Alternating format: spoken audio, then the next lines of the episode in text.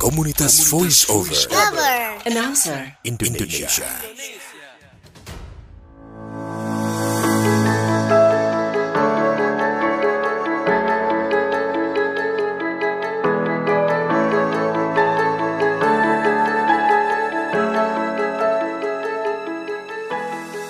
Indonesia dikenal dengan lambangnya Bhinneka Tunggal Ika, yang berarti walaupun berbeda-beda namun tetap satu.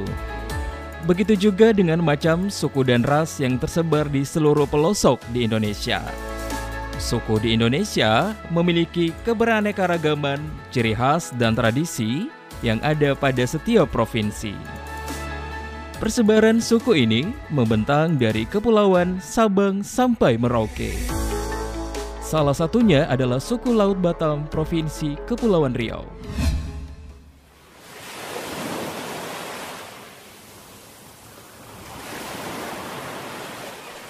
Seperti inilah suku Laut Batam. Menjalani kehidupan di atas laut yang luas dan terbuka. Tidak banyak yang memberi catatan tentang Pulau Batam. Demikian pengakuan pemerintah kota Batam melalui buku profilnya.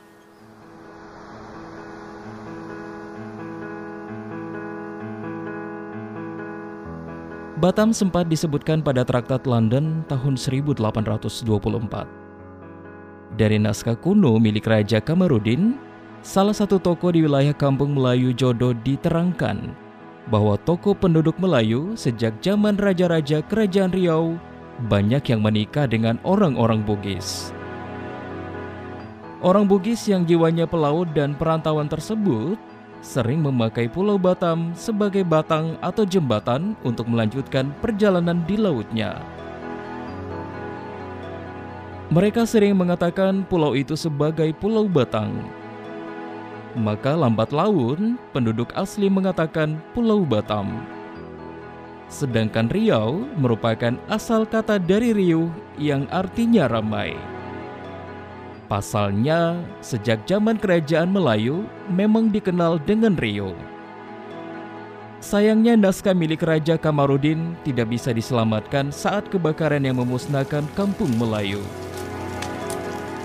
Berikut catatan naskah milik Raja Kamarudin.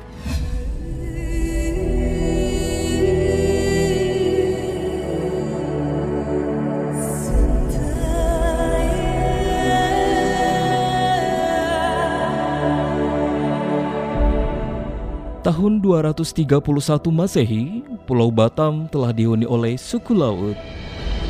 Suku laut adalah suku Melayu asli yang mendiami pulau-pulau di Selat Malaka dan Selat Singapura. Pada tahun 1300 Masehi, Pulau Batam dikuasai oleh Kerajaan Tumasik yang berada di Pulau Singapura sekarang. Pada masa Kerajaan Malaka berjaya, Pulau Batam dikuasai Kerajaan Malaka dengan pengawasan Laksamana Hang Tua.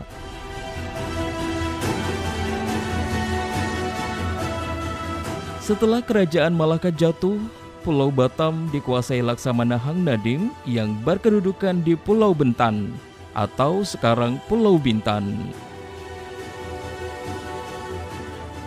Sepeninggal Hang Nadim, Pulau Batam dibawa pengaruh Sultan Johor. Lalu sekitar tahun 1800 hadir kerajaan Riau Lingga yang menguasai Kepulauan Riau termasuk Pulau Batam yaitu yang di Pertuan Muda Riau sampai berakhirnya Kerajaan Melayu Riau yang berpusat di Lingga berpisah dengan Kerajaan Johor. Kemudian Kerajaan Melayu Linggau Riau dimekarkan menjadi tiga kesultanan, yakni Kesultanan di Daik Lingga, Kesultanan yang di Pertuan Muda di Pulau Panyengat, dan Temanggung Abdul Jamal di Pulau Bulang. Kedatangan orang Belanda yang semula hanya berdagang, pada akhirnya menjajah seluruh Nusantara termasuk Pulau Batam dalam genggamannya. Penjajah Belanda sering dirompak di daerah Selat Malaka. Di antara perompak itu adalah Laksamana Ladi yang sering sembunyi di sungai. Sekarang sungai tempat persembunyiannya itu disebut Seiladi yang kini telah berubah menjadi Dam Seiladi. Suku Laut Batam mereka bukan nelayan umumnya. Yang saat malam pergi melaut dan saat siang datang pulang kembali ke daratan. Mereka adalah nelayan yang pantang pulang ke daratan setiap jengkal hidup mereka dihabiskan di laut. Sejak fajar menyingsing hingga matahari menghilang di ujung timur cakrawala, mulai dari makan hingga minum, mulai dari terbangun hingga terlelap, dijalani di dalam sampan yang mereka namakan kajang. Bagi suku laut, laut telah menjadi takdir. Sesuatu yang sepertinya mutlak harus mereka terima sebagai sebuah kehidupan. Hampir semua kehidupan mereka tak terpisahkan dari laut. Air laut yang asin, anyir, bangkai ikan, ombak, bakau, serta sinar matahari yang membakar adalah sesuatu yang mereka terima setiap hari suku Laut Batam dan Laut telah menjadi sebuah kesetiaan, tidak terpisahkan. Dari lautlah suku laut mengais hidup. Saat malam bergerak naik dan air laut mulai surut, mereka mulai menyulut lampu petromak. Begitu lampu menyala terang, dengan hanya berbekal dayung dan tombak, mereka bergerak menuju tengah lautan berburu sotong atau cumi-cumi, ikan ribam, nos, pari, atau jika beruntung bisa membawa pulang duyung. Selatan kita sini kan uh, sambil tujuh keponakan, cucu, sambil juga cari makan, nah, cari gama, cari ikan. Itu kerja kita. Itulah usaha asal kami. Usul asalnya gimana? Keturunan menurun kami dari datuk nenek moyang kami. Suku laut itu hasilnya dari kerja laut. Kalau tak kerja laut, tak makan.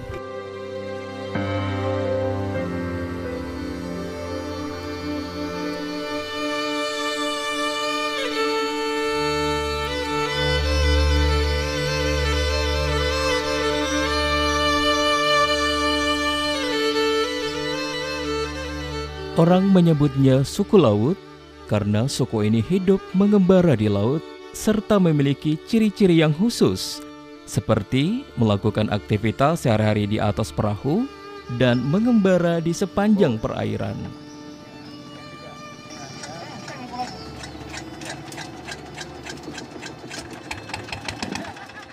Pada umumnya, suku laut memiliki kebudayaan yang sama yang masih sederhana, baik sosial maupun teknologi. Kawasan yang mereka diami adalah sepanjang perbatasan Republik Indonesia dengan Singapura, Malaysia, dan Vietnam. Maka secara geografis, mereka mendiami wilayah strategis yang merupakan silang pelayaran internasional yang padat antara Selat Malaka, Selat Philip, Selat Singapura, dan Laut Cina Selatan. Sebab itulah kehidupan mereka menarik perhatian karena suku laut yang berpindah-pindah, sehingga tanpa sadar mereka pun kadang-kadang sudah berdiam di perairan negara lain.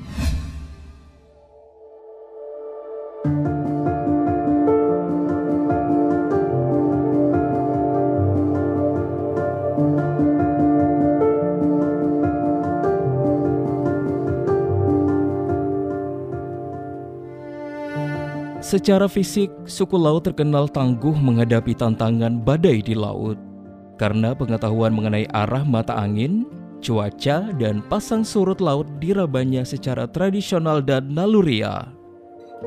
Namun demikian kehidupan sosial mereka tetap tidak berdaya menghadapi belenggu SDM, perekonomian, maupun keterbelakangan dari berbagai aspek kehidupan. Namun sebenarnya masyarakat suku laut memiliki potensi yang cukup besar untuk mengangkat perekonomian dan pendidikan masyarakatnya. Secara geografis, mereka mendiami wilayah strategis yang merupakan silang pelayaran internasional yang padat.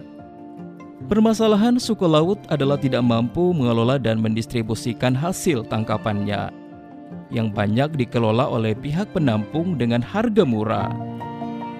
Ini memprihatinkan dan membuat masyarakat suku laut menjadi semakin tertinggal. Salah satu upaya yang dapat dilakukan untuk mengatasi kondisi ini adalah diadakan upaya peningkatan SDM suku laut, bantuan permodalan untuk membeli perahu atau pompon, dan konsentrasi pada pendidikan. Hal ini tentu menjadi pekerjaan rumah yang cukup serius bagi pemerintah pusat dan juga pemerintah daerah. Belakangan ini, eksistensi suku laut semakin terancam oleh desakan nelayan bermodal besar dari berbagai daerah atau mancanegara yang memiliki teknologi modern. Mereka lebih gesit mencari ikan karena menggunakan kapal besar yang dilengkapi radar pemantau ikan dan juga navigasi canggih. Demi menangkap bertonton ikan secara cepat, mereka tidak segan menggunakan jaring pukat atau kunci, dinamit, dan bahan kimia seperti putas. Akibatnya, ekosistem laut semakin rusak dan banyak ikan yang masih kecil terbunuh sia-sia. Hmm, rasanya sayang sekali jika nyanyian nenek moyangku seorang pelaut tinggal nyanyian saja. Ketika nanti anak cucu kita mendapati suku laut, tinggallah sebuah cerita zaman ayah atau ibunya.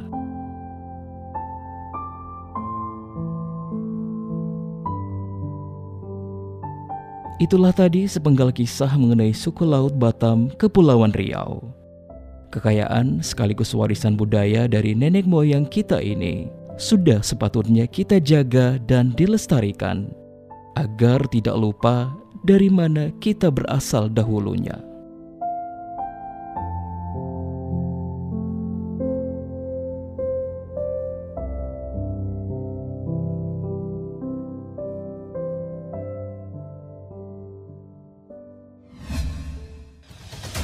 Komunitas Voice Over Announcer. Indonesia.